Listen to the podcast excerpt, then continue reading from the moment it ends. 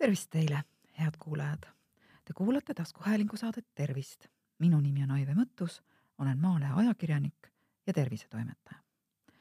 ilmad on praegusel ajal heitlikud ja sula vaheldub külmakraadidega, tihti isegi porilibedusega, kuigi äh, on ju talv. ja libastumine ning kukkumine on kerged tulema. Äh, sestap räägimegi täna traumadest mida teha, kui ootamatult äh, libedale kohale sattudes jalad alt kaovad või mõni kehaosa hooga maha prantsatades hullult haiget saab, nii et silmist tuld lööb. Äh, kuidas aru saada, kas tegemist on luumurru või põrutusega? kuidas hinnata, äh, kas tuleb kutsuda kiirabi või kannatab omal käel EMO-sse minna või pole arstiabi üldse vaja? ja mil moel ennast trauma korral kodus ise aidata? Neile küsimustele püüan tänases saates vastused leida, jagades teiega praktilisi ja igati tõenduspõhiseid nõuandeid spetsialistidelt, kes traumade ravimisega sageli kokku puutuvad. ja nendeks on Ida-Tallinna Keskhaigla ortopeed Dmitri Kulak, Tõstamaa perearst Madis Veskimägi ja füsioterapeudid Priit Tõniste ning Lauri Rannamaa. kõigi nende seisukohad on avaldatud erinevates meediakanalites, tegin neist teie jaoks lühikese kokkuvõtte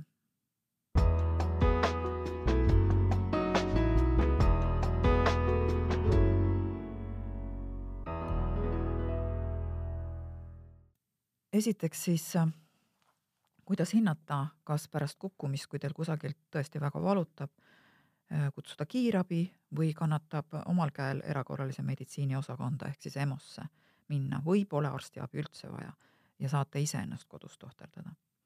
Äh, kõigepealt võtsin ette perearstide seltsi koostatud juhendi, millal pöörduda perearsti poole, millal minna EMO-sse ja trauma kohta on seal öeldud niiviisi et trauma korral, millega ei kaasne vigastatud kehaosa tugevat paistetust, kuju muutust ega liikumise piiratust, tuleks minna perearsti vastuvõtule. kui on aga tegemist värske traumaga, vigastatud kehaosa haarab tugev turse, selle kuju on muutunud ja liikuvus piiratud, peaks minema EMO-sse. ja ortopeed Dmitri Kulak soovitab samuti, et kui juhtub midagi tõsist inimene ei saa ennast liigutada enam, tal on raske hingata, valu on ülisuur, siis ei tasu oodata. Mm, tuleb võtta ühendust kas häirekeskuse või perearsti nõuandetelefoniga üks, kaks, kaks, null ja siis rääkida, mis juhtus ja sealt saate siis juhiseid, eh, kuidas, kuidas edasi tegutseda. häirekeskusest saadetakse vajadusel teile eh, kohale kiirabi ja igal juhul on soovitav nõu küsimuseks helistada ka siis, kui te oma olukorda hinnata ei oska, kas see on tõsine või mitte. nüüd, äh, kas hakata ise minema traumapunkti EMO-sse või äh, kutsuda kiirabi? no siin äh, soovitan mina lähtuda tervest talupojamõistusest, et kui teil on tegemist niisuguse traumaga, et te saate näiteks jäseme korralikult fikseerida, teil ei ole nii valus, et, et pilt kipub kogu aeg tasku minema. Te saate istuda ja teil on keegi, kes äh, autorooli istub. Äh, kui te seda ise teha ei saa, siis, äh, siis loomulikult tasub ise suund haigla poole võtta, sest kiirabi võib samal ajal vajada hoopis keegi teine raskemas seisundis inimene. kui te aga tõesti tunnete, et, et te ei ole võimeline ise oma autoga haiglasse jõudma, siis igal juhul vajate te kiirabiabi. kui nüüd ise minema hakata, siis millise haigla poole suund võtta? no meediaväljaannetest on kõigil teada, et suuremates haiglates Tallinnas ja Tartus on, on erakorralise meditsiini osakondades päris pikad ootejärjekorrad. et sellepärast ma soovitan, kui teil on valida, kummale poole sõita, vahemaa on enam-vähem üks ja sama või on väiksema maakonnakeskuse haigla poole isegi pisut pikem maa, siis võtke ikkagi suund sinna, te lihtsalt hoiate oma aega kokku ja saate kiiremini abi. abi kvaliteet on, on tegelikult täpselt samasugune. millal kindlasti tuleks EMO-sse pöörduda? punkt üks, kui teil trauma järel esines teaduse kaotus. punkt kaks, kui te olete pärast äh, traumat ehk siis reeglina kukkumist ajas ja ruumis desorienteeritud ehk ei saa aru, mis päev on, mis kuu on, mis aastaaeg, kus kohas te viibite. punkt kolm, kui te oksendate. punkt neli, kui jäse on deformeerunud ehk et selle kuju ei ole tavaline. punkt viis, kui teie silmade pillid on erineva suurusega. Kindlasti tuleks EMO-sse pöörduda ka siis, see on siis punkt kuus, kui teil on tegemist silmavigastusega. punkt seitse, kui te tunnete kukkumise järgselt valu kaelas. punkt kaheksa, kui teil on äh, pärast traumat tekkinud nii tugev nina-verejooks, et koduste vahenditega seda mingil moel peatada ei õnnestu. punkt üheksa, kui olete trauma tagajärjel saanud nii sügavad haavad, et need veritsevad tugevalt. Punkt kümme, kui teil on hingamisraskused. ja punkt üksteist, valu on tõesti väga-väga tugev ja valuvaigistitega see vähemaks ei muutu.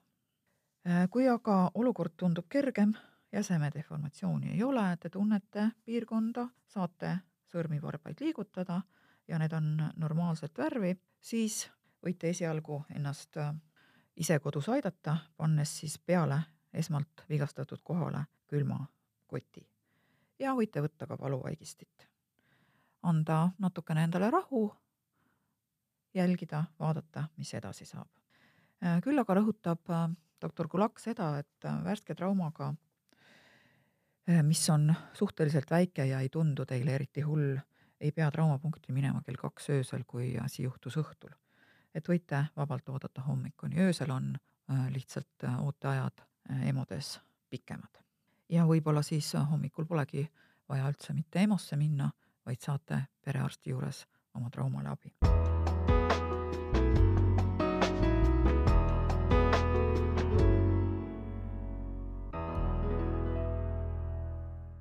nüüd kuidas, kuidas suhtuda valuvaigistitesse? valuvaigisti on trauma puhul igal juhul lubatud ja, ja seda peab võtma. valu ei pea taluma, Äh, kuigi see käib äh, praktiliselt iga traumaga kaasas.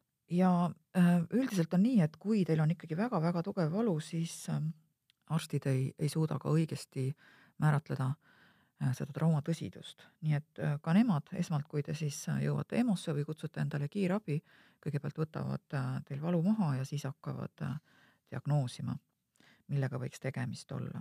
ja noh, loomulikult aitab valu vähendada ka see, kui traumapiirkond on stabiilne.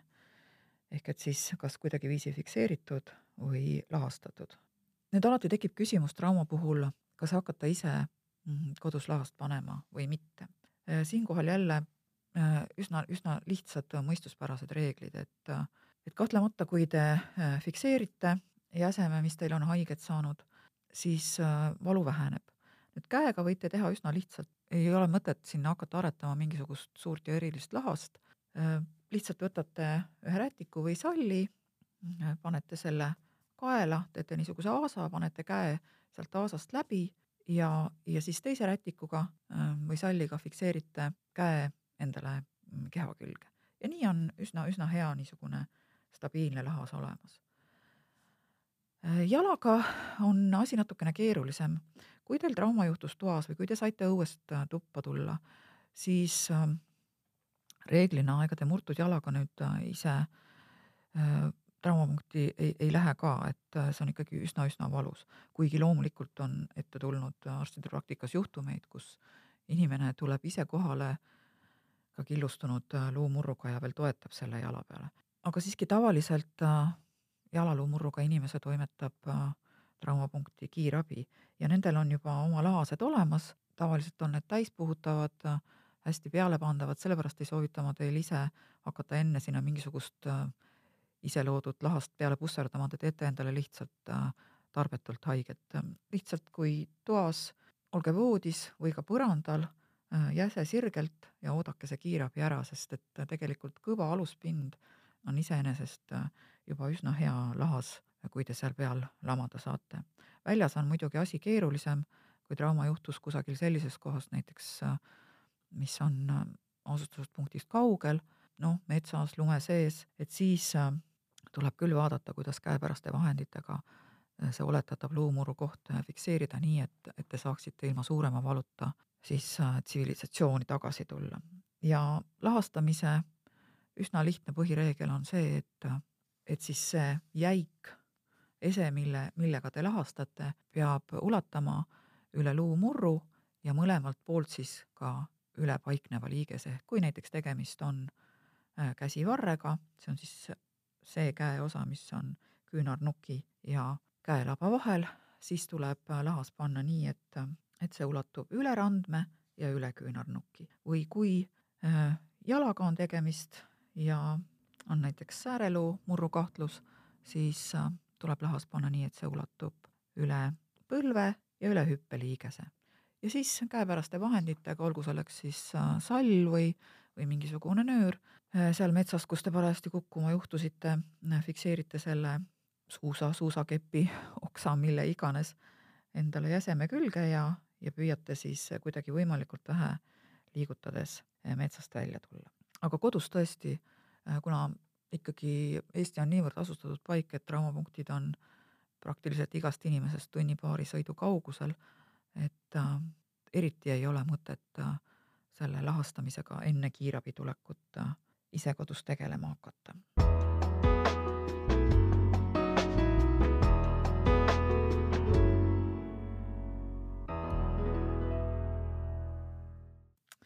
nüüd, äh, mida ise kodus teha, kui tundub, et äh, et luumurdu siiski ei ole, hindate oma traumat äh, selliseks, et kohe arsti juurde minema ei pea. Kõigepealt on olemas üks niisugune tore reegel, mida inglisekeelsete eestsõnade tähtede järgi nimetatakse RICE reegliks ehk siis R-I-C-E. R on rest ehk rahu, I on ice, külm, C on compression ehk surve, elastikside ja E on elevation ehk traumapiirkonna hoidmine kõrgemal ja seda kõike on vaja teha selleks, et vältida vigastuse hullemaks muutumist. ehk et siis tulete koju, heidate voodisse, panete äh, ilusti jääkoti traumakoha peale ja jälgite, mis teie äh, jäsemega juhtuma hakkab. nüüd äh, olen sellest ka eelnevalt rääkinud, aga kordan veel kord üle, et kui asetate trauma kohale külmakoti, mis vähendab valu ja alandab turset, siis tuleks jälgida, et te selle külmakotiga oma nahka ei kahjusta, ehk et seda ei tohi asetada paljale nahale. alati pange sinna mingi õhuke mm, kangas või kas või elastikside niimoodi kergelt äh, ümber jäseme vahele. Äh, kasutada võib siis spetsiaalselt apteegis müüdavat külmakotti, aga selle puudumisel ajavad tegelikult asja väga hästi ära ka kõik toiduained, mis on sügavkülmas äh, pakendatud, olgu selleks siis pakkherneid või lihatükk või, või midagi muud. ja äh, reegel võiks siis olla selline, et äh, ta esimesel päeval iga paari tunni tagant uuesti seda külmakotti peale panna, aga kui on tegemist tõsisema traumaga, siis võib kohe mitu päeva järjest külmakotti panna mõne tunni tagant ja hoida seda seal siis paarkümmend minutit, kui, kui te arvate, et ei ole vaja traumat arstile näidata. Et kaasajal on tegelikult seda RICE põhimõtet natukene edasi arendatud ja see on traumajärgses esmaabis asendunud POLICE põhimõttega. Ehk et see kirjutatakse samamoodi nagu police, P-O-L-I-C-E ja rõhk on äh, selle põhimõtte korral äh, selles, et äh, kõik eelnev on sama, aga ei ole mõtet jätta siis trauma järgselt vigastatud kohta täiesti liikumatult seisma. Võtame siis jälle tähtede kaupa läbi, et P on protection ehk vigastatud koha kaitsmine. Ja selleks me siis püüame selle fikseerida, hoida liikumatult seda kohta. trauma kohale muide, kui nahk on terve, võib panna ka kineesioteibi, aga sellest ma räägin pisut hiljem. nüüd OL tähendab optimal loading ehk optimaalne koormus ja äh, see tähendab siis seda, et sageli on võimalik alustada esimeste harjutustega jäseme kerge liigutamisega juba üsna ruttu pärast vigastuse teket. lihtsalt pinguldada, lõdvestada lihaseid ja koormusvabalt liigeseid liigustada, liigutada. küll aga on siin üks selge piir, et ja selleks on valu. üle valu ei tohi harjutusi teha. oluline on eelkõige ikkagi anda siis esmalt rahu, aga vaikselt ka niimoodi liigutada, sest äh, liigutades paraneb äh, traumakohas verevarustus ja trauma paraneb kiiremini ja loomulikult, äh, kui on vajadus karkude järele, siis äh, neid ei maksa häbeneda. I on siis selles äh, loendis jällegi ice ehk jää, C compression ehk surve, elastikside ja E elevation ehk traumapiirkonna kõrgemal hoidmine ja seda kõrgemal hoidmist on vaja just sellepärast, et turset ei tekiks nii suurt.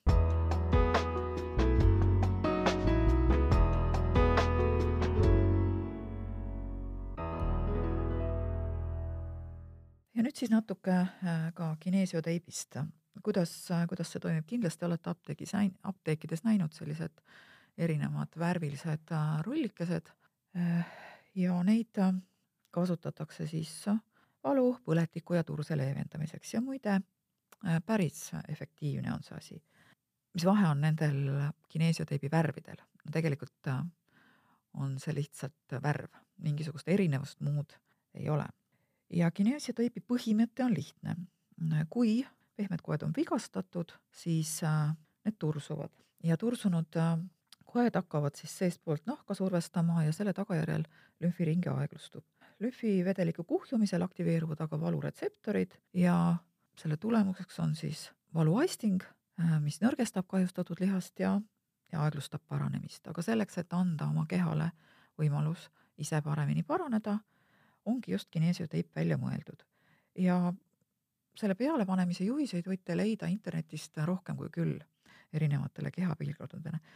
oluline põhimõte on see, et, et te viite siis selle kahjustatud jäseme nii palju venitusasendisse kui võimalik, tõmbate sinna peale suhteliselt pikalt natukene venitatud kineesioteibi ja kui siis nüüd jalg, käsi normaalsesse asendisse tagasi panna, siis see kineesioteip tõstab naha üles, vaba ruum naha ja nahaaluse koe vahel suureneb, ähm, normaalne lümfiringe taastub ja valuasting väheneb ja saab hakata tekkima iseeneslik para-, paranemisprotsess.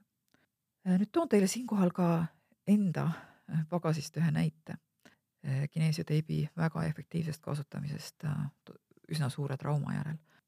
kui ma käisin Lauri Rannamaa koolitusel mm, kineesioteipide kohta, siis oli mulle üllatuseks, et, et neid võib kasutada värske trauma puhul ja ja tegelikult elu pakkus mulle üsna varsti võimaluse seda ka ise järele katsetada. nimelt olen ma tööst vaja, vabal ajal vabatahtlik merepäästja ja mõned aastad tagasi äh, päästsime me oma, oma üksusega ühte madalikule sõitnud äh, purjekat ja see päästmine käib siis nii, et purjekas tuleb kallutada võimalikult küljele, et siis äh, kiil liivast lahti saada ja siis saab ta teise alusega ära pukseerida. ja no selleks, et purjekat kallutada, pannakse masti võimalikult kõrgele üks ots ja siis äh, teise alusega üritatakse sealt see, sellest otsast tõmmates ähm, siis purjekas külili saada, nii palju kui see võimalik ja loomulikult siis meeskond, kes on pardal, peab ka siis sellele äh, küljele oma keharaskustega minema, mis allapoole jääb. ja noh, äh, tõmbasime ja tõmbasime seda purjekat ja ühel hetkel käis raks ja see ots, mis oli pandud masti tippu, Äh, katkes ja tuli üsna-üsna suure hooga ja maandus ähm, minu sääre pihta. no see plaks oli nii kõva, et ma arvasin, et, et minu luud, äh, jalaluud sellest küll terveks ei jäänud, aga, aga jäid. Ja noh, kohendasin ennast pisut, tundsin, et on valus, aga midagi hullu ei olnud. töötasime edasi ja, ja purjeka me sealt äh, madalikult lahti saime ja sadamasse pukseerisime. aga kui ma siis oma kuivilikonna seljast ära võtsin, siis see vaatepilt, mis äh, avanes minu jala peal, ei olnud üldse äh, meeldiv. nimelt oli minu sääre tagumine pool siis kannast põlveõndlani täiesti potisinine. ja koju jõudes panin ma sinna peale üsna mitu kineesioteibi riba, võtsin need ära kusagil ja noh, loomulikult külm ja rahu jala ülespoole tõstmine ja kõik niisugused asjad, millest ma siin enne rääkisin ja kui ma siis need kineesioteibi ribad umbes viie päeva pärast ära võtsin, siis oli selgelt näha, et äh, nende ribade all oli nahk äh, heledam ja hematoom tunduvalt äh, tagasihoidlikum. nii et toimib. soovitan proovida. Kineesioteip on hea veel selle poolest, et kahjustada pole teil ennast sellega praktiliselt võimalik Äh, isegi siis, kui teda valesti peale panete. kui te valesti peale panete, siis juhtub see, et teil abi lihtsalt ei ole sellest, aga mingit kahju ta teile ei tekita. ja noh, üks asi, mida peate jälgima, on see, et kui sealt kineesioteibi alt ikkagi nahk hakkab sõgelema, siis tõenäoliselt olete te selle liimi suhtes äh, allergiline ja siis tasub äh, teip pealt ära võtta. Nagu ma ütlesin, kineesioteip ei paranda teie traumat, vaid annab võimaluse kehale ennast ise parandada, ise tervendada. Ja tegelikult on samamoodi ka äh, kipsi ja, ja luumurdude äh, parandamisega siis igasuguste äh, kruvide ja plaatidega, et ega need iseenesest luumurdu ei paranda, vaid nad fikseerivad selle murru ja annavad kehale võimaluse ise terveneda.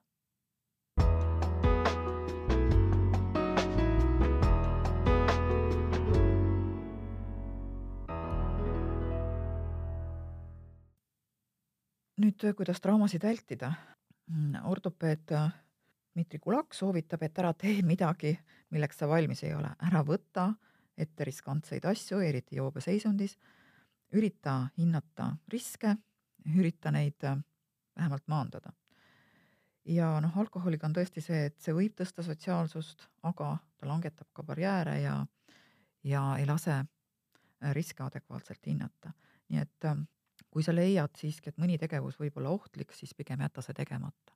samas äh, on talv, äh, tänavad on libedad, hoolimata sellest, et neid ikkagi puhastatakse niivõrd-kuivõrd. Äh, ja on täiesti reaalne, et me võime kukkuda ka siis, kui me oleme riske adekvaatselt hinnanud. see on, see on paraku elu ja kui see juhtub, siis tasubki meeles pidada kõik see Äh, millest ma just praegu rääkisin. ja esmalt siis endale ise esmaabi anda, kui võimalik. kui olukord on selline, et äh, hindate oma seisundit arstiabi vääriliseks, siis helistage kas häirekeskusesse või perearsti nõuandetelefonile üks, kaks, kaks, null. Äh, küsige sealt juhiseid ja kindlasti te saate abi. head kuulajad, te kuulasite taskuhäälingu saadet Tervist saate leiate Delfi podcastide pesast tasku, nutirakendustest Spotify, Apple Podcasts, SoundCloud ja teised. hakake jälgijaks ja kuulake just teile sobival ajal. ettepanekuid teemade kohta, mida saates käsitleda, ootan teilt e-posti teel aadressil tervist at maaleht.ee. minu nimi on Aive Mõttus, olen Maalehe ajakirjanik ja tervisetoimetaja.